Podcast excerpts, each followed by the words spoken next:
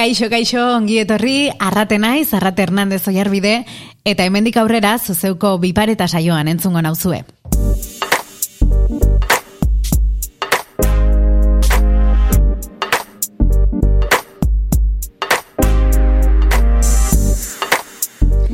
Bi pareta izenak argia azaltzen duen moduan, bi pareta ditu saio honek, bi gai landuko baitugu atal bakoitzean.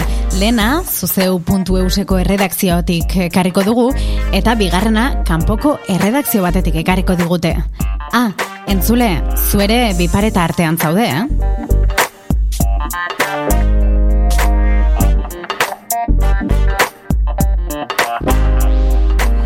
Lehen ale honi atzera begiratu zekingo diogu.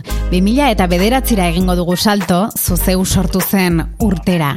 Amar urte pasa dira ordutik eta urte hurrena ospatzeko Mikel Lasa etorriko da gurera. Berak sortu baitzuen zuzeu, Asier Etxeberria eta Josu Erguinekin batera. Bigarren paretari, gonbidatu berezi batek joko dio. Iñaki Larrañaga Radio Euskadiko Bulebar Saioko kazetariak. Eta zein gai ekarri duen jakin nahi duzue? Ba, hauteskunde kanpainaren hasiera. Apasionantea benetan. Bueno, badakizue, proiektu berria da, zuzeu podcast, berritzailea, Eta gu, atzera begira hasiko gara, uste zaurrerako jakaren kuadrilla, ondo ez da? Ten years challenge edo amar urteko erronka ezagutzen duzue? Seguro ikusi duzuela lagunen baten duela amar urteko argazkirik oraingo batekin alderatuta. Ba, antzerako zerbait egingo diogu zuzeuri. Ten years challenge bat egingo diogu zuzeuri. Mikel, e, zuere asko aldatuko zinean? Ba, dudari gabe, fiziko kiere bai, zaitu nahiz ikusten gare hartako irudi batzuk, eta bueno, ba, aldatu nahiz bai. Entzuten dugun hau Mikel Lasarena da, bera etorri da gaur zuzeuko erredakziok proposatu duen gaia zitz egitera, zuzeuren amargarren urte horrena, zain zuzen, Gaur egun, Etxepare Euskal Institutuko komunikazio ardun, ardura duntzara, baina zu, zuzeuko sortzaile izan zinen. Bueno, e, sortzaile edo sortzen laguntzaile duela, duela amar urte, bai, bai. Duela amar urte, eh? Guazen, kokatzera gure burua. Bueno, eta gurekin ere, gurekin maian daude, oier arantzabal eta anartz filbau, zuzeuko erredakzioko kideak, eh? Zoi ere kaixo. Kaixo, kaixo, hemen estrenatzen gure gure maia. Juhu! Norekin da Mikelekin. nola, eh? Bueno, Bai. zuek nola zineten duela amar urte? Ni bekario bat. Nire jago dut ez gogoratu. Donde E, bueno, Zu bekario bat, oier? bai, bai, ni bekario bat. Gainera, bueno, zuzeun sart, 2000 sartu nintzen ni ere, baina ni, e, ba hori, asierrek eh, harrapatuta, arrantzatuta, e, universidadetik, bai. Ikusten zu ze arrobia bia duen dago noin. Leku, ber, zuzendari eta- leku berean. Leku berean amar urte geroago. Eta orain zuzeun zer zara? bueno, kor- Bekario izaten jarraitzen duzu? Ez, orain zuzeu koordinatzen nabil, ez? Hori ez dakit edo, edo zuzentzen, edo ez dakit nola eduki aldetik bentsat eh, norabidea jartzen e, e, barkuari. Bai, bai, bai, bai. Mikel, zuzeu gaur dena eta zuzeu hasierantzena berdina da. Bueno, oso ezberdina da, baina nik uste funtsean filosofia berdina duela, ez? Aldatu da egiteko modua, e, bueno, asko zere iago hain atinatzen dira edukiak, ze bide jarraitu nahi den eta bar, duela mar urte ba, hasieran ginen eta dena zen esperimentazioa, orain ere badago eh, esperimentazio komponente importante bat, ez? Eta gauza berritzaileak egiteko asmo bat, eta, bueno, kasu honetan honen, e, ba, e, irratsaio hau estrenatzen ari gera, ez? bueno, podcasta, eh? Irratxaio Bueno, po- podcasta, podcast. hori, hori beste gai da, Bueno. markatu. Bai.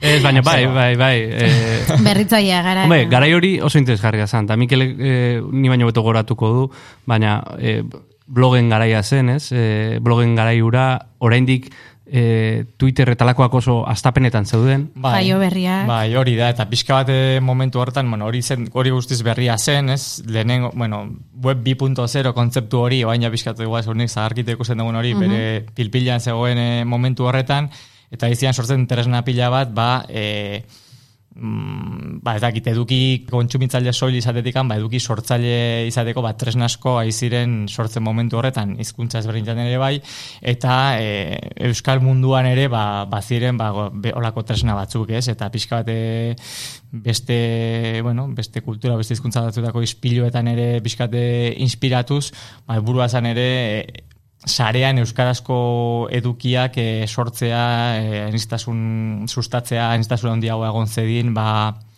e, posible egitea, eta bide horretik sortu zen zuzeu, e, zuzeu ere momentuan. Eta nola egiten da hori? Ideia badaukazu, ametxek dauzkazu, aspirazioa, gogoa, eta dena, eta zer egin zenuten, gara hartan, zuek izango zineten bakarrak edo... Ba, zer egin genuen, ba, ba, gune bat sortu, eta idazten hasi. Zenbat zineten? e, zenbat ginen. Ba, sango nuke hasiera batean e, hasier bera, e, Josu Erguin, beak albidetu zuen baita ere martxan jartzea, mm, erredakzionanetan edukiak sortzen dinengoen, eta eta bazeuden ere, jo, ez da izoratzen guztien izena, baina bazegoen redakzio taldetxo bat, ba, bueno, ba, kompromiso hartzen genuen artean, ba, ba edukiek e, sortzera eta bueno, eta agotera azkenen hasiera batean sortu zen erronka zen urrengunen zer eskaini, osea, presio bat zegolako mm -hmm. idazteko, ez? Uste baino lan gehiago seguru, ez? E, oier bekarioak hitz egin gado. Bai, bueno, Bekadunak. Ez, ondo, asma, ondo asmatu du Mikel, bueno, Mikelek esaten duen bezala garai hartan, ba, bazan pixkat, ez, berria, eh, eta ze eduki mota egin, ez, ni goratzen ez Mikel, ez, e, gidalerro batzuk ematen, e, bueno, ba, kanpoan zer egiten zen, ez, Eta, eta nik galetu nahi nion, eh, Mikeli, ea oroitzen duena asier digitalak ensartzen, ez? Ez dakit nik enuen bizi momentu hori, baina suposatzen dut asier izan zela e, ba, zuzeuren ideia eraman zuena digitalakera, eh? Ba, bai, du, bai, nigotzen ez perfectamente, ni momentu hortan e, digitalaken lanean ari nintzen, baina beste, bueno, gidoi gintzan, eta beste kontu batzuetan, eta batzen ez, e, ba, egun batean hori asier agertu zela nik ezagutzen duen asier, ba, telebistatik, bai. e, idazten zuen agatik, eta barrez, eta eremente, hartu ninduten hor bilera batean, eta esan zen, bueno, bida, ez dakiz egunetarako hau martxan jarri bar dugu, e, hau bar dugu, ez dakik ondo nola baino ideia hau daukat buruan, eta, eta martxan jarri bar dugu, así que... Basatoz? Hori da, bagola izan zan basatoz, eta nola esango jo, ba, ez ez. Claro. Ta, arrete, kuriosua da gaina, garai hartan, mm, astapenak zian, ez? Eta, bueno, bat zegoen sustatu ere, sustatu zuzeu, eta ezer gutxi gehiago, e, natibo digitala esan ezagun, baina gaur egun ere, eh, ez dago gauza asko, euskaraz, ez? Uh eh, begiratzen jartzen mali mazara, ba, lenguak gaude, ez? Lenguak eta eta igual blog plataformaren bat, baina blogen boom horrek ere bera egin zuen, eta ez dakit, ez dakit. Hor zareko kasetaritza zari, mintzo gara, ez? Nik uste dut, iruditzen zaite, kanpotik behiratuta bintzat, gara hartan, eh, ez bakarrik euskaraz, ez da? E, nazioartean ere, finkatu edo gonkortu gabe zeudela, ez da nola esan, ez? Norabide aldaketak edo norabide bilatze edo froga prozesu bat, ez dakit oraindik bukatzek edo ez dakit oraindik oso Definetzek argitu ere ote dan, baina hori izan, eta zurrunbilo horren barruan gertatzen da pixka bat, ez? Gainera nora eta euskarara ekarrita, ez? Beti dala, bueno, badakigu, ze zeltasunekin mugitu izan da, kasetaritza euskara hemen. Mm, bai, bai, bai, eta horrela jarraitzen du, ez? Nik uste eh, eh, behin bintzen partalek eh, esan zuen berriak antolatutako eh, eh, saio batean, esan zuen kazetaritza dagola gela ilun batean, eta danok dabiltzala eh, interruptorea non dagoen, ez? argiaren interruptorea, eta nik uste dut zentzu batean, eh, bai modelo ekonomikori begira, bai eh, bueno, jasangarritasunari begira, eh, antzeko jarraitzen dugula, ez? Uh papera geroz eta berago dago, eh, eredu digital ezberdina daude da bide begira, baina inork ez du betean asmatzen, ez, Mikel? Ez dakite...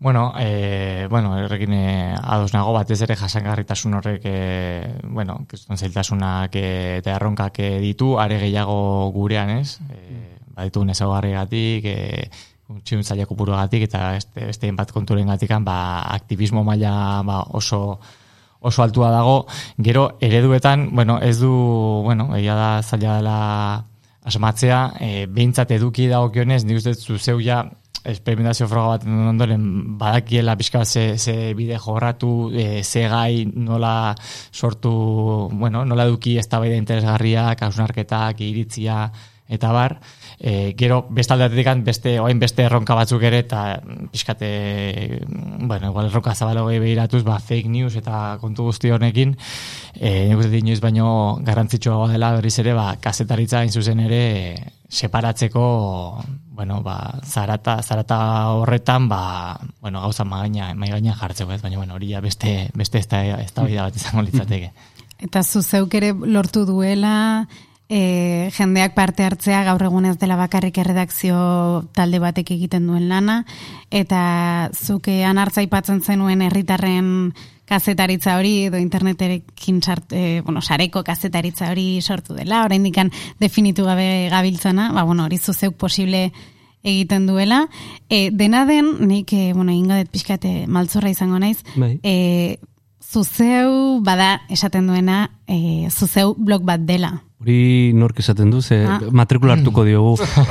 e, ez, Zer da blog bat, zer da, bueno, hor parte hartza, blogetan parte hartza egon daiteke komentarietan. E, Zuzeu edabide bada, hori nik uste ja nabarmena dela, ez? Erreakzio badauka eta edabide bada, baina bere izten duena beste edabidetatik da parte hartze kanal batzuk dituela, e, oso eskura, ez? Eta, eta moderazioa e, ostekoa dela, argitaratu ostekoa. Eta nik uste horrek ematen diola daukan bizia, daukan zarata ere, bai? Hori da. e, zikina eta eta baita ere eduki kalitatezko edukiak, ez? Eta iruzkin kopuru handi bat eta jendearen parte hartze handi bat. Agian beste e, David batzuk ez dutena horren beste lortu, ba, kanalak ez direlako horren parte hartzaileak. Hasieran, Mikel, ez dakit oroitzen zaren, e, sare sozial bezala ere planteatu zela nolabait, bazegoela modu bat barruan mezuak bidaltzeko erabiltzaileen artean, ez dakit... E, Bai, plante, bueno, esaten enun bezala, ez, esperimentazio momentu bat zan, eta bide ezberdin asko urratu ziren, eta batzuk bertan bera utzi ziren, ba, ikusitelako ez dela funtzionatzen, baina bere momentuan ere, ba, zen nola planteatu bat, eta, bueno, azkenean, e, Ka, da gehiago, bueno, komunitate bezala ulertzea, ez? Eta garai batean, edo komunitate izateko e, online komunitate izateko bidetako bazen e, ba, sare sozial gisa edo gisako tresna batzuk e, sortzea, baina gero demosatu dana ez da ez duela zerta horrela izan, ez? Osea, ez, zuzeu oso komunitate sendoa da, oso e, publiko fidela daukana, horre idazten duten, idazten duten jendeak, sinadurak, e, bueno, irakurle idazleak, behin berriro joaten dira horta, eta badagola azkenean e, komunitate hori, mm, ba, sare sozial tresna erabili gabe, ez? Bueno, beti egon da pixkate buruan, ba, komunitate hori sortze, sortzearen ideia, eta bere momentuan bide hori jorratu zen. Beraz, Mikel Lasa, zuzeuko sortzaile gisa, arroz daude gaur egon zuzeu denaz. Oso harro, ni pa- pasada bat irutzez, bueno, ni itzitena pasada bat da, e, egindan ibil bidea. Osea, ni goin ikusten dut zeiten genuen, hasiera horretan, bat duela mar urte, eta, osea, alde batetik arro gauza berri bazalako, ez? Eta, jo, ba, oso polita izan zen martxan hartzea, eta gero atzera begira ikustea zer izan dan, baina hain ikusten detan orduan egiten genuen, eta, ze, ja, ja, lotxa ematen dit. Ez dit lotxa ematen, baina, bueno, komatxo artean, ez? Osea, bain, ba, beste, beste gauza bada, eta evoluzioa kristona izan da. Eta lehen, lehenengo sarrera zuzeukoa Mikel Azakiatzi zuen. Hori da, hor dago. hor dago. Eta zuzeu podcasteko lehen paretari ere zuk jodiozu. Jak, anart zer zenuen esateko. Horregatik bera gaitik. Ez, bueno, eh, esaten ari ginen arira, ba, es- esan duzu ez, ea blog bat ote den, nien hogei keskatzen nola deitu. Eh, bai egia da, hori, eh, komunitate ikuspuntu hori edo horretan uste dut arrakasta izan duela zuzeuk eta hori dela bere arrakasta eta bere arazo ere batzuetan, ez? E, parte hartze e, hain zabala denez, da hori lotzen da pixkat Mikelek esan du lehen, kasetaritza egin beharra da fake newsen kontu hori, iruzkin gileen eta e, kom, komunidade horretan sor daitezken trolak eta e, claro, ez da zabal bat e, edon hori ateak irekitzen zaizkio eta horrik hori lortu da, horrek Bai. erakarri du, hori arrakasta da. Baina egia da, zikina edo batzutan Bai. zaratare sortzen duela. Bai. ezta? Eta, eta horretan, ez da inola esan, bi urroietan surfeatzen sa- saiatzen gara, ez Bai. egite. Eta, eta esango nuke izena, hori blog ez blog, e, niko esango nuke hibrido badela, ze azken baten hor sortu dira, ez, e, eredu asko daude e, David digital natiboenak, eta Eta hau hibri- hibrido bada, alegia, e, publikatu daiteke, baina ez da zure bloga, da komunidade bat, da plaza bat, eta xer kondensate zuen, ez? E, plazan zer nahi duzu bakarrik dantza egin, ala beste jende batekin inguratuta, bueno, hemen jende desente gabiltza lan, e, dantzan, eta jende asko baldin ba gabiltza, ez? E, da, ba, hasi ginelako, eta lan, lan bat egintzelako, eta ikasketa prozesu bat egon delako. Bai, gero, amar urtetan nik hasiera hasierako garaiek eta kanpotik bizi izan ditut, eh? baina sinadurei behiratu ezkero, ez dakit kopuruetara joan ezkero, benetan Euskal Herrian da Euskaraz izateko kopuru harrigarriak direla iruditzen zait, inoiz komentatu izan ditugu, zenba jente idatzi duen, da zenbat idatzi den, eta batez ere esango nuke hor gero beti dago gora berak da sartu irtenak hasieran mm jende batek ez du idazten, beste batzuk azken urteetan, baina badago jende bat e, luzean Mantentzen duena. mantentzen duena edo badakiena zerbait e, esateko daukanean, badaukala hori da, bere plazar irtetzeko lotza pixkat galdu, da usartzen dana dantza bat edo bi behintzat ateratzera plazara. Eta hemen Eta- aprobetxatuta, barkatu Ah, moztu. esan barruen hori, eta, eta inoren baimenik gabe, ez, azkenean. Osa, irten, Mm, dantzatu, askatasun askatu. Hori da.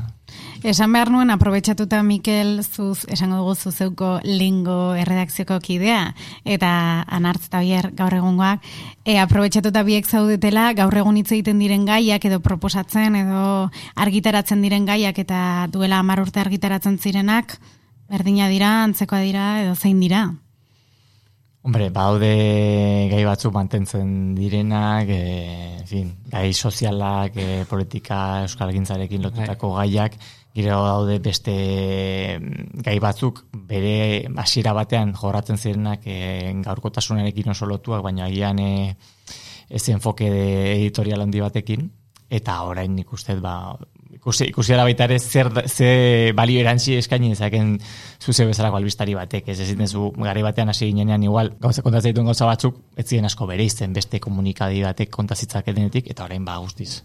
Hori nik goratzen naiz dilema, ez? Ba, garai hartan e, atentatuak zeuden, ez? Eta guretzako zen be, nola jorratzen da hau, ez? Nola jorratu de- dezakegu hau besterena, besteek egiten dutena egin gabe, ez? Eta uh egia da lehen gaurkotasunarekin bagenuela obsesio txiki bat, ez? Nola jorratu eta gaur egun ez diogula inbeste erreparatzen. E, gurea ez da gaurkotasuna, gurea da e, gai, geure gaiak geure modura ekartzea, e, saiatzea gai ba, e, besteek lantzen dituzten gaiak beste erpin batzutatik edo beste alde batzutatik behiratzen.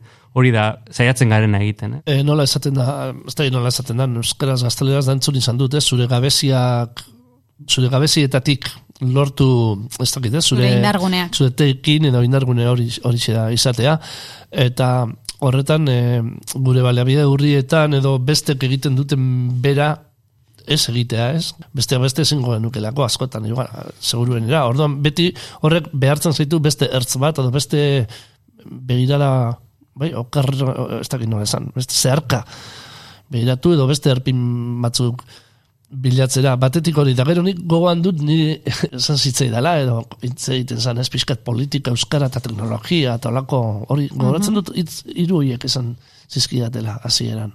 Bai, hori Ez dut horren beste Teknologia ikusten- baina bai izan baita Ez dut horren beste ikusten gaur egun agian teknologiarena, baina bai esango nuke, eh, eta obse- esan daitezke obsesio batzuk badaudela hor, ez da irauten dutenak, Bai. eta txispa sortzen dutenak, eta adibidez euskal, eta euskara, euskarak berak edo euskal gaiek, eh, kezka handia eragiten dutela zuzen, da, esango nuke beti beti da nik uste. Zua, zua pizten da, bai. Euskararekin eta politikarekin zua pizten da. Batez ere euskara eta politika batera doa zenean. Eta hamar urte geroago oraindik horren ez dakit alde edo borrokan jarraitzen dugula.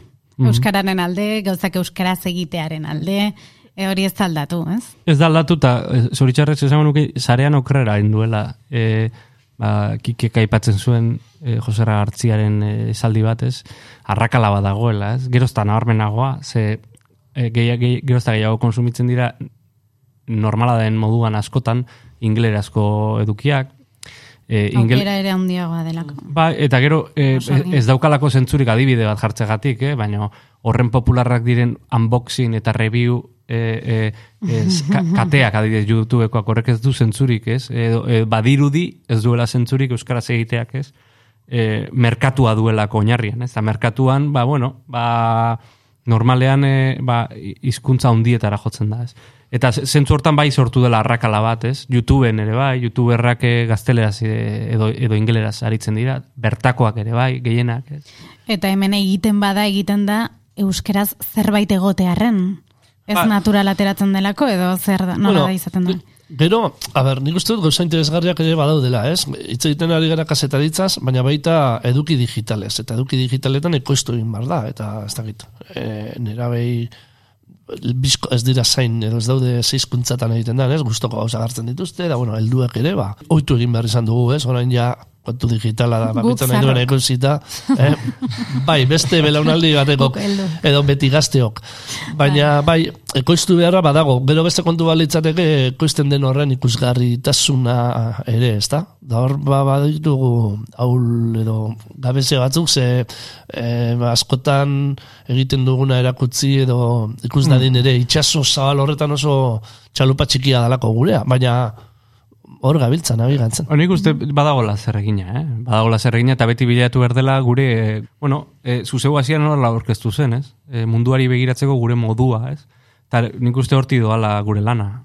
Eta hortan ari gara podcast plataforma sortzen, ez? E, oso gaurkoa den e, gauza bada, e, eus- Euskaraz ez dena horren beste ba, harakatu, eta bueno, hortara goaz ez arrate? Zuzara hemen e, Hortaragoaz, gure gu- kapitaina. Gure bai gu beti prest eta gogo handiarekin. Mikel, zerbait nahi diguzu, ez dakit, geratu zaizun anekdota bat, edo horitzapen bat, edo zerbait azpimarratzeko, guri ere indarra emateko, edo zer. Bueno, ni beste eskerrak eman dizkizuet, eh, bueno, podcast ontan, eh, bueno, eh, konversazio ontan parte hartzea gonbidatzea digan, eh, zorionak iten izaten digan, eta aniguak eman eh, bideo luzez eh, jorratzen jarri dezazuen. Mila, mila esker. Zuri, e, hitza hartuko dizugu, hemendik hamar urtera berriz elkartuko garela? Ma, Akaso, Espero de baietz. bai, duda egiten duzu? Eh? Duda egiten duzu? Bueno, ez dakit, igual ez podcast formatua, baino beste formatu batean ez doka zelantzarik eh, Espero, kartuko gera. espero denok hemen egotea bintzat. Hori. Eta orduan, agian zuzeu puntu eusez, baina zuzeu podcast gogoratuko dugu, hemendik hamar urtera. Perfecto. Eta agian beste Bai. zerbaitetan egongo gea. Eta argazkiak, eta argazkiak ekarriko ditut. Hori da. Eh, 20 year challenge egiteko, baina hortan benetan. Oso ondo, ba, eskerrik asko Mikel Lasa. Eta ana hartz eta bier zuei ba, beste bat arte. Gutxienez, amar urte, hemendik amar urtera arte. Hoxe da, eskerrik asko eta laster arte.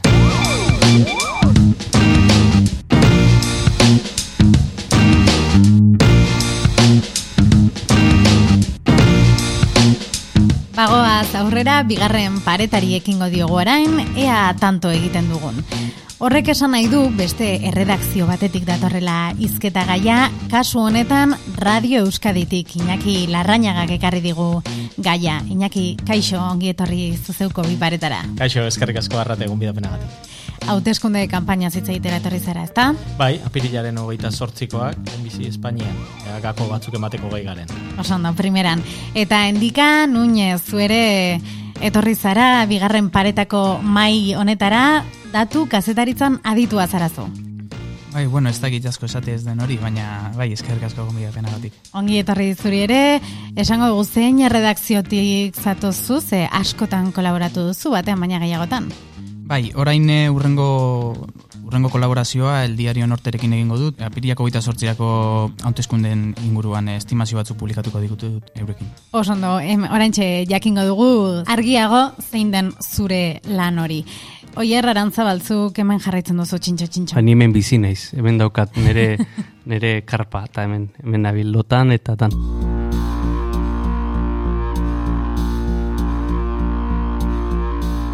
Yo lo que espero es, desde luego, que, eh, los tres partidos de, de derecha españoles no logren una mayoría para conformar gobierno. Es un Estado que tiene miedo, es un Estado que no tiene proyecto y que va a responder como ha respondido históricamente, históricamente que es con más autoritarismo.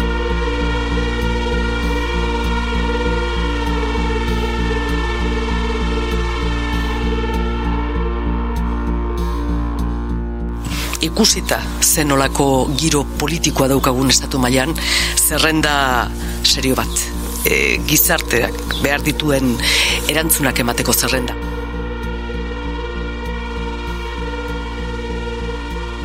aurre kanpainan gaudeia da, hilaren amaikan abiatuko da kanpaina ofizialki, eta hortik oso gutxira, maiatzaren hogeita zeian, Europako hauteskundeak eta udal eta foruetakoak izango dira, hoiek ere ate joka ditugu, baina urrunegi aldi berean, eta kontu diferenteak direnez, e, momentu zalbo batera utziko ditugu, edo behintzat gaurkoan ez ditugu erdigunean jarriko.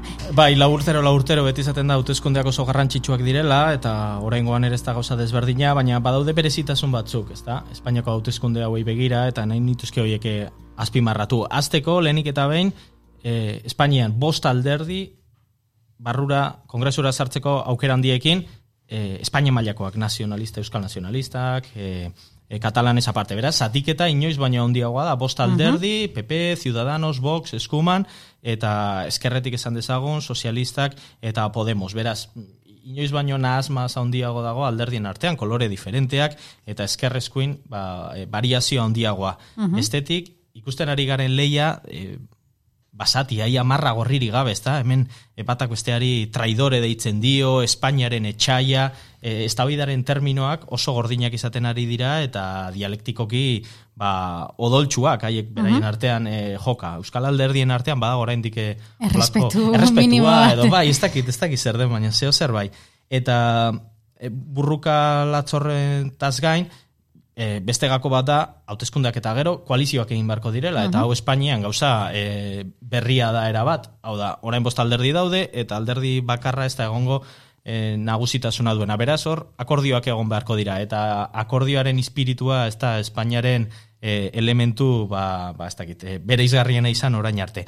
Eta gero, maiatzaren hogeita zeiko hauteskundei begira, hor, zati interesgarri badago. Aprilaren hogeita sortzean hauteskundeak egongo dira, baina hauteskunde bukatu bezain pronto, beste hauteskunde kanpaina bat hasiko da, eta orduan, behin botoak eman da, horren ostean koalizioak, akordioak egiterako orduan, karetak e, kendu egin beharko dituzte. Hau da, erakutsi benetan norekin paktatuko duten eta norekin ez, eta horrek gero eragina izango du maiatzaren hogeita zeian. Beraz, badukogu, e, maratoi luze bat, esango nuke berezitasunak, ba, funtsean hauek direla, e, Espainia mailan ikusita. E. Mikel Liturriari irakurtzen nion Twitterren gomendio bat, eta zan e, ez geratu esaten dutenarekin, baizik eta egin dutenarekin.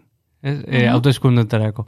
Eta ez dakit e, zenbateraino balio duen gomendio horrek, bombardatuta gaudelako Davidetatik eta barrez, baina egia da, inoiz baino galdera ikur gehiago daudela mai gainean, alderdiak ere gehiago direlako, eta ja, ja da ez delako lehengoa, lehen bi alderdi nagusi zeuden, eta e, Podemos aurkeztu zen alternatiba bezala, gero Ciudadanosek pixkat komplikatu zuen kontua, eta orain ja, ba, ba bueno, e, bai Kataluniako e, gaiarekin, eta bai e, EH Bildu eta ERSren arteko baturarekin, eta ultraeskuinaren agerpenarekin asko komplikatzen da. Ezen atokia, ez dakit inkestek argituko te diguten alakorik, baina, baina ez dago erresa asmatzen, ez? Ez hori beti gertatzen da, ez? Alderdi horriak eh, panoraman eh, azaltzen diren momentuan eh, oso zaila izaten da, ze ez eh, asm- estimatzea, ez? Euran boto intentzioa, ze ez, ez daukagu inungo erregistro historikorik edo provintzia desberdinetan nola funtzionatzen duten partido horiek, ez? E, 2008 arte, bai Partido Popularra eta Sozialista zeudenean e, ba, bi, bi partidoen artean erabakitzen zenean gobernuan nork eramango zuen oso erraza zen, ze ikusten zen e, provintzia desberdinetan nork e, daukan e, simpatizante edo gehiago, ez da? E, zentzu hortan, oain partido berriak e, azaltzen dira, oain Vox da, baina aurreko hauteskundetan Ciudadanos eta, eta Podemos izan ziren, eta horrek e, e, joku tableroa guztiz, guztiz e, aldatzen du. Sentido hortan, e, sekula baino ere ez jakintasun handiagoa dago nork boska dezakeen e, Vox bezalako partidu bat, edo nork errepikatuko duen berriz e, aurreko elekziotan egin zuen bosakin. Hortaz, e, estimazioak ez dira, ez dira oso horrezak izaten. ha acabado con 36 años de corrupción socialista y ha espantado de Andalucía al comunismo chavista que representa Pablo Iglesias y compañía.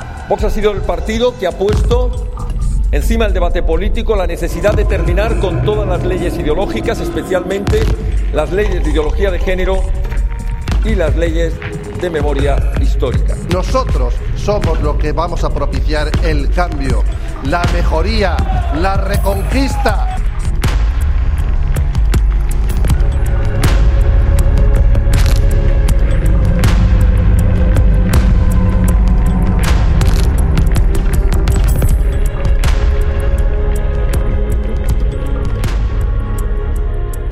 Inkestak, alderdi berriak eta aipatu ditugula, e, Andaluzian boxek izan duen harrera esango dugu, e, inkesten arabera hori eraman daiteke Espainia osora, estrapolatu daiteke Andaluzian izan dituen datu horiek? Bueno, lehen komentatzen nuen, ez? E, estimaz, estimatzea, partidu berriak estimatzea oso zaila da, eta sentido hortan, e, etxe asko fijatzen ari dira, e, estimatzerako orduan nola konportatu den, eta ze, ze, bot, ze pertsona tipo botatu duten box, e, saiatzeko estimatzen e, nor botatuko duen, ez? Hau da, e, ze perfiletako pertsona botatu dute box e, Andaluzian, eta ea perfil berdineko jendeak boskatuko duen e, elekzio generaletan. Ez? Ultraeskuinak euneko amaika inguruan ematen dutela etxe enkuesta, inkesta egiten duten etxe guztiek ematen diete amaika, euneko amaika inguruan. Ez? Baina hor badago horkila bat e, izan daitekena bai e, ez jakintasunagatik nola funtzionatuko duen honek e, ba, bai, bai euneko bostetikan euneko amazazpira arte igual, ezta? Eta ematen da tonteri badela edo estimazioak edo probabilitate honek ez direla e, garrantzitsuak edo oso zabalak direla, baina hain da handia eskakintasuna e, orkila tarte hortan edo, edo non jauzi daitekela, ez? E, boxen e, boto, esti, boska est, boto estimazioa. Balendik eta aipatuko dugu edo argituko dugu zu joaten zarela inkeste zaratago, e, zuk datu kazetaritza egiten duzu, zenbaki artean ibiltzen zara, ingeniaria zara, eta inkesten trakina egiten duzu, ze, ze, ze demontre da hori? Bai, nik eh, inkesta tradizional guztia jasotzen ditut, bai, iruta mazazpigarren urteko elekziotatik gaur arteko guztiak, bai, autonomikoak, pro, provintzialak, eta eta baita ere, e, provintzia mailakoak elekzio generaletara begira. E, datu guzti horiek izan da, bueno, nik sukaldatzen ditut, gaur egungo inkesta publikatzen diren enean, sukaldatzen joaten naiz, ez geratzeko inkesta baten emaitzekin. Uh Orduan, hartzen dituna, hartzen ditudana da, eh, hainbeste inkesta alda batera, eta egiten dudana da, sukalde, sukaldatzen ditut, era batera, eh, zuzentzeko eurak izaten dituzten eh, errore historikoak, eta eta laginaren e, erroreak, edo publikatu zen e, eguneko eta elekzioa arteko dauden egunen erroreak. Eta horrek zer esan nahi du adibidez, alderdi berri batez ari bagera, e, datu gutxiago dituzunez, fidegarritasuna ere e, gutxitzen da? Bueno, nire, nire estimazionek e, inkesta tradizionalak ez bezala e, probabilistikoak dira, ez dira deterministikoak. Zer nahi du esan honek? E, inkesta batek, edo ze e, etxek publikatzen duen inkesta batek, egun baten ematen dizu, ba, adibidez, ez? EH Bilduk izango du, ez dakizen bat e, eguneko boto, ez da? E, hori egun hortako irudi bat da. Egun hortan, edo e, aurreko azken egunetan egindako lanaren irudi bat da. Nik saiatzen naizena ez da irudi bat ematen baizik eta ematen e, orkila bat nun ibil daitekeen EH Bilduren kasu hontan, e, bos horrek, ezta? E, zer nahi dut esan honekin, nire erantzun bat nik ez dizut publikatuko e, euneko amarra izango du. Baizik eta euneko sortzi eta ama bitartean izan daiteke. Uh Baina oinarri e, e, probabilitatea, o, probabilitatea oinarri bezala hartuta. Esan dut, e, nik eukitzen dudan zalantza da, askotan, e, zenbaterainoko oinarri zientifikoa duten eh, publikatzen diren inkestek, ez? Zenbateraino errespetatzen dituzten estadistikaren arauak. Zukaldea, zukaldeak eskatzen zaitu. Bai, bueno, zukaldea baino e, prozedurak, ez? E, publikatzen dizkibute danak eba, 0,0 sort e, behatziko erroreakin, ez dakiz mateko izaten dan, eta ez dakiz zenbateraino dan hori egia. Bai, bueno, er, normalian inkesta tradizionale publikatzen duten errore izaten da e, laginaren araberako errorea. Baina nik adibidez, inkesta hauek publikatzen dituzen etxeen kalitatearen neurtzen dut. E, nola neurtzen dut? Bueno, ba, daukagu e, historikoki poblazio handi bat, inkesta, publikatutako inkesta, hainbat inkesta, eta hor guztietan ikusezakegu ze, zer nolako e, akatsak izan dituzten. E, akatsonekin eta estadistika estadistiketako fundamentu batzuk erabiliz, kalkulatzen dut e, adibidez, ze kalitatezko inkestalaria den e, zertarako erabiltzen dut hau, ba, gero, e, ponderazioetan edo edo sukaldatzerako orduan e, inkestalari batek pisu gehiago edo gutxiago izan dezan. Uh Bueno, Iñaki, zurekin goaz berriro aipatu duzu gakoetako bat edo e, hauteskunde kanpaina edo aurre kanpaina honen ezaugarrietako bat izan dela bueno, dialektika erabiltzen ari diren, ez dakite... Sua. Sua, sua edo komunikazio Sua edo kea, kea asko ere, estrategiak bai, edo... bai. E, zein dira, zein ari dira nagusitzen, ezerke mandizu atentzioa?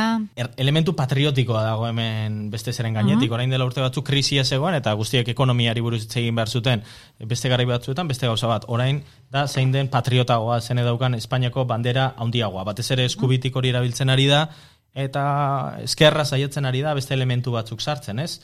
Ba, sozialagoak, etxaia, ez da? Esan dugu ere bai etxaia erabiltzen ari direla. Bai, Eh, hori, hori garai baten, bai, garai baten Euskal Herrian asko erabiltzen zen. Euskal Herriaren etxaiak dira, baina Mhm. orain hemen ez da horrelakorik entzuten, Ez. baina Espainiara eraman Nei da. atentzio dituit, eh, alderdi popularrak Twitterren egin duen kanpaina eh, ba, Arnaldo Tegiren babesaren arira, ez? Pedro Sánchezi emango lioken bat babesaren arira, edo mandion babesaren arira, dekretuak Bai. aurrera ateratzeko. E, Baina zer karritzen zaitu oier? Ez, harritu ez.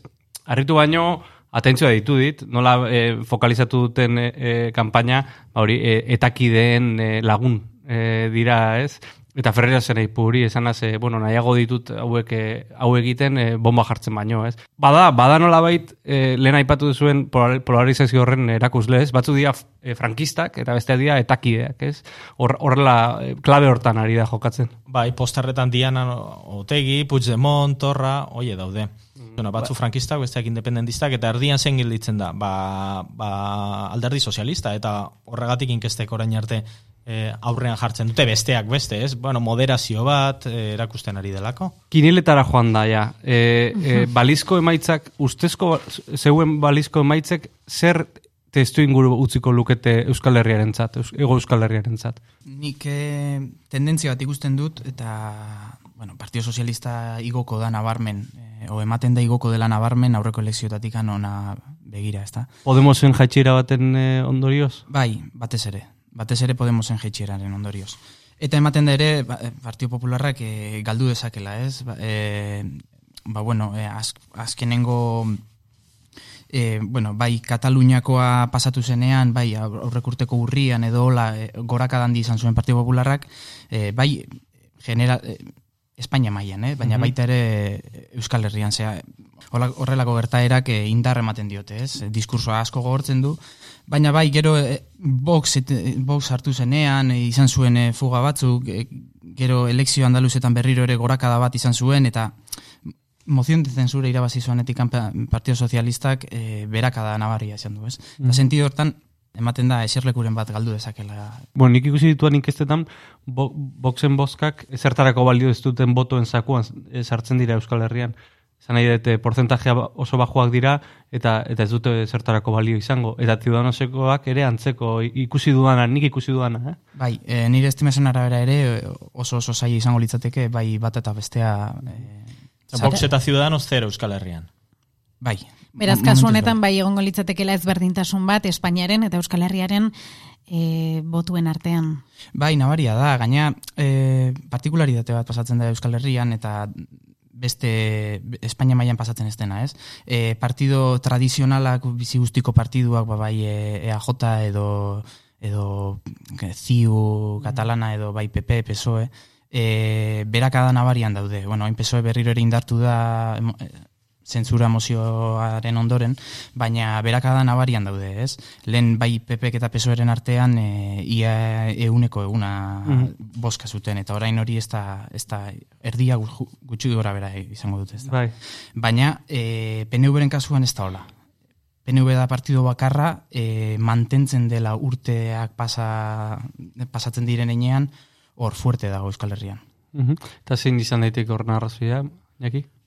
Nik uste berai, beraiek uste dutela bintzat, eta kanpaina horretan zentratzen ari dira alderdi erabilgarri bat direla. Hau da, guretzako Botu ere, lehentas- erabilgarria, ez? Bai. Botu baliagarria edo Boto botu baliagarria, bai, Ez baina honen leia, leia sortu zaio, jaltzaleei.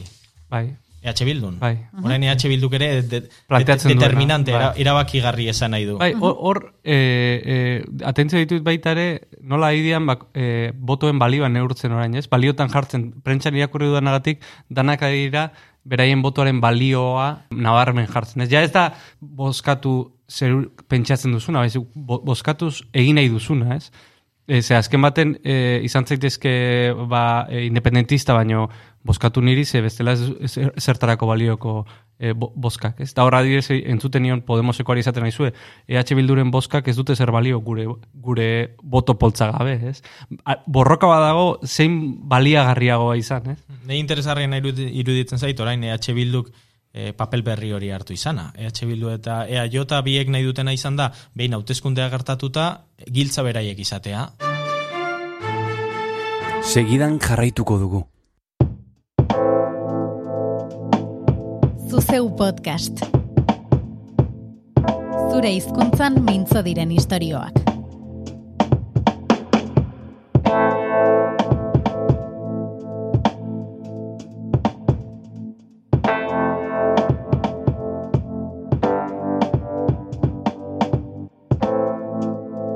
Ni galdera badaukat. E, inkestek zer diote e, Euskal Herrian gertatuko da? Zer gertatuko da Nafarroan adibidez Podemosen e, hori galderetako bada? Bai, bueno, Nafarroan eh, ematen da bai bai eh, geroa baik eta bai H Bilduk eh, zai izango dutela bertatikan eserleku bat izatea. Eh, aurreko elekzioetan ezin izan zuten lortu eta oraingoan ere Bueno, ba, em- ematen da geroa baik eh, eserleku bat izatea irutikan behin gertatuko litzatekela, ez? Probabilitate pixkat begira. Mhm. Eta EH Bildurena oraindik ere ba, bostetikan bat edo. hola. E, karo, hor eh, oain hiru partido o, hiru partido elkartu dira, ez? Bai UPN, Partido Popularra eta eta Ciudadanos elkartu dira, e, guztien botoak ba, partido berdinari, berdinari emateko, ez? Eta hau inakik esaten zuenaren arira, e, EH Bilduren e, papela e, garrantzitsu izan daitekela Madrilen, e, partido berriak azaldu dira, e, bai esker blokean eta eskuin blokean partido bat baino gehiago dira, eta horrek naiz eta boto portzentaia antzerako izan blokeen al, bloke bakoitzean, e, partido, partido, hainbat partido izan eran, e, ba, eskainoak edo eserlekuak ez dira berdin, berdin e, banatzen, ez? E- Eta Navarra sumak zenba lortuko ditu? Ba, momentuz nire inkesten arabera bi eserleku izango lituzke. Eta horrek e, UPN Ciudadanos eta PP elkarrekin joteak nola eragingo luke Nafarroan. Nik uste ikusteko dagola. Hor, ezagutu behar duguna da, ea benetan existitzen den Nafarroan izaki mitologiko bat. Ez dakit adar bakar bat den edo zer. Baina da, UPN boskatu duen euneko eun nafar bat, ez den espainola baizik eta nafar Karlistak, hutsa. karlistak. Bueno, karlista jarri nahi baduzu. Eta ez diona Nafar, Navarra sumari boska emango, Ciudadanos hor dagoelako. Mhm. Nik uste ikusi barko dela, eon, ea norbait usatzen duen Ciudadanosen presentziak e, Navarra suma honetan, edo kontrakoa, berdin eta berdin nora joango zaien. lirateke botu hoiek. Ah, ba, ez dakit, igual etxean geldituko dira. Geroa baira joango dira, ba, barritze zait, egia da bain, geroa bairen ideia dela, Navarra no se toca. que Navarra no se toca. Frente a todos aquellos que han pretendido hacer de Navarra un objeto político, frente a todos aquellos que quieren hacer de Navarra hoy moneda de cambio en sus intereses estrictamente electorales, frente a todos aquellos que quieren hacer una resta de la realidad política de Navarra, Geroabay comparece en estas elecciones con la vocación, con la voluntad de llevar la ambición de la defensa de nuestro autogobierno, la ambición de la defensa de nuestras capacidades, la ambición de lo que nuestra historia ha explicado siempre al conjunto, en una relación bilateral con el Estado, al conjunto de esta sociedad, el bienestar y sobre todo la capacidad de trabajar nosotros. Eta badirudi eslogana, UPN eren eslogana dirudi, ez da, Ja, Navarra no se toca. bakarrik hori, Hori da, nik uste Orain Nafar izaera berak hartu du bere gain, geroa bai. Nafarroa oso Barkosek. be- le- e, berezia da. Eta, eta soziopolitikoki e, ba, eskuina ez da bakarra. Eskuina oso komplejua da. E, esan nahi dut hori, karlista daude, e, da, e, topatu dezakezu karlista bat, el mundon atatzen den elkarrezke daten esaten que soy vasco, navarro y español, Mm. eta hori upeneko botantea da, eta gero topatu dezakezu falangista bat. Eta hor tartean sartzen da dana, ez? Eta liberalak, eta danak. Orduan, oso komplejua da, kontua da, e, boto poltsa hori elkarrekin joan dena apurtuko da, ala ez, etxean geldituko dira, ala beste autu bat egingo dute. Eta, eta egia esan, gehiegi ere etzai guaxola Nafarroan Espainiako hauteskundetan nork irabazten duen gehiago edo gutxiago garrantzitsuena da Nafarroko lehendakaria nor izango den. Eta hauteskunde orokorra hauek froga bat izango dira, testeo bat ikusteko gero maiatzean berriz ondo funtzionatuko duen Navarra suma honek, esperimentu honek edo ez. Eta horri nik uste batez ere Euskal Autonomia Arkidegoko emaitzez gain, Nafarroko hori egon beharko garela batez ere oso adi. Guazen ba polemikara, guazen sua pizten duten gauzen bila. E, aipatuko ditugu kinielak, aipatuko ditugu datuak zenbakiak e, bustiko gara pixka bat? Bueno, nik uste dut e, Ega Euskal Herrian EAJak ez igoko duela eserleku bat eta sei, sei izango dituela Madrilen, e, izan zituen bostak baino bat gehiago. E, bilduren kasuan hor dago, ezta? E, bi, bi eserleku ditu, badirudi bi eserleku izango dituela se, segurazki, bat bizkaitikan eta beste bat e, Gipuzkoatikan, baina baditu aukera batzuk hirugarren bat izateko Gipuzkoan. Ez da hor ikusi beharko da, boto gutxirekin e, izan daiteke hirugarren bat lortzea. Gogora dezagun, barkatu emostea, eh? e, amaiurrek zazpi lortu zituela, ez? Bere garaian. R, ERZ-erekin, Eskerra Republikanarekin batera joatek, ez dio aukera maten e, mobilizazio baldortzeko hor. Ba, galdera oso zaila, ez da. Nik uste Katalunia, Kataluniako prozesuarekiko simpatia neurtuko duela horrek. Mhm. Hau da, maite minduta gaude katalanekin, orduan jendeak EH Bildu boskatzeko autua egingo du, eskerrarekin batera doalako, ez da, eh? Laguna Anaia, gara. arreba gara, Maite minuta, bai, bai. ma- maite minuta edo zemateraino ilusioa sortzen duen oraindik Kataluniako... Hori da, eh, neurgailu interesgarri bai. izango da. Bai, ikusi, ikusi behar da, eh? ze puntotan dagoen, ze hor ere azken urtea bastante gora bera izan dira, eta eta bai, neurgarri interesgarri izan daiteke hori. Urrengo partidu gizea sozialistak aipatzekotan, eh, esango nuen gorakada nabarmen izango duela sozialistak, eta bai bost edo sei eserleku izan izango dituela Madrilen ego euskal herritikan. eh? Orduan lehia EAJ eta sozialisten artean egongo da, ez? Eh, Leia bai, baina nik apostatuko nuke e, e, ea jota izango dela buru, seguru. Mhm, mhm. E, bestalde, jaitxiera nabarmenena, e, Unidas Podemos, elkarrikon Podemosek, Podemosek izan, izan dezake o izango du, e, batez ere bastante boto transferentzia daukalako sozialistengan eta bai EH, Bildu, EH Bildurengan igual e, Gipuzko aldetikan edo, ez? Hor ikusi beharko da Hor ikusiko dugu urrengo inkesta publikatzen direnean nola evoluzionatzen duen e, beraren boz intentzioa, ezta. Hor beraz, zenbakirik ez, Podemos entzat. Bai, bai, bai, nik esango nuke e, EAE eta Nafarroa kontatuta Euskal Herrian e, lau gehi bi izango dituela. Sortzi zituen e, pasaden elekziotan bi gutxiago. Eta azkenikan, e, bueno, Partido Popularra e, bat galduko du segurazki, hiru izango lituzke bueno, bai koalizio, hiru hiru bidetako koalizioa egin duen argin Nafarroan eta eta Gasteizetik lortuko zuken e, Marotoren eserlekua. Mm. Baina e, ikusi beharra dago, eh? aurrengo egunetan nola, nola evoluzionatzen duen honek, e, marotoren eserleku ez nuke izango garantizatuta dagoen edikan. Eta Ciudadanos eta Voxek ez lukete presentziarik izango. Garbi izan behar da ere, e, ematen da, ematen o, datuak diotenez edo azken inkestek e, esaten dutenaren arabera, irutikan batek ez dakiela zein botatuko duen, eta eta, se, eta segurazki azken astean, hauteskundetako kanpaineko azken astean, eta egunean bertan, hauteskunde egunean bertan ere erabaki dezakela, ez? Orduan, e, izketan gabiltza euneko goita marra, eo, euneko goita luzeak izan daitezkela pertsona horiek, eta orain partido gehiago dauden enean, ba, e, hori nabaritzen da gehiago, ez? Hau da, gauza, oraindik gauza aldatu daitezkela eta asko, gauza asko ikusteko daudela, eta gu ere botu emaile bezala prestatu behar garela hauteskunde kanpaina nola esango dugu, gogor edo indartxu baterako. Bai, ez du balio pertsiana jatxi eta Eh. postontzia izteak. Izorrai, aguantatu. Hori da, aguantatu inbar dago, inbar dugu, eta sare sozialetan ere gerra handia emango digute. Begiak zabalik eduki behar ditugu kontu faltsuak eta ja atera direlako horre, nik ja ikusi ditut argazki faltsu batzuk identifikatuta eta kontu faltsu batzuk. Bai. Hortan ere adur, adi egon beharko dugu, eta, bueno, ez dakit gomendio, horrelako gomendioren bat baduzue. Bueno, gomendioa, irakurtzea periodikoa, e, Zuze podcast entzutea. hori da, e, informatuta egotea, baina nik Mikel Iturriren, e, Iturriaren e, e, tuita aipatuko dut berriz. Ez e, bozkatu esaten dutenagatik, egin dutenagatik, baizik.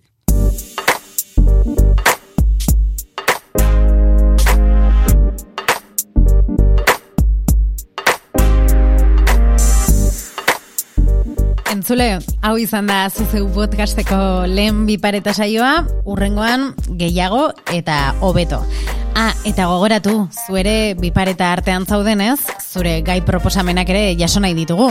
Horretarako, bidali zure proposamena bipareta abildua zuzeu.eus elbidera, bipareta abildua zuzeu.eus, edo sare sozialetan ere bagaudenez, ba, erabili bipareta traola, eta esan zer entzun nahi duzun, benetan gustora hartuko ditugula zure proposamenak. Besterik gabe besarkada estu estu bat, urrengo ostiralera arte.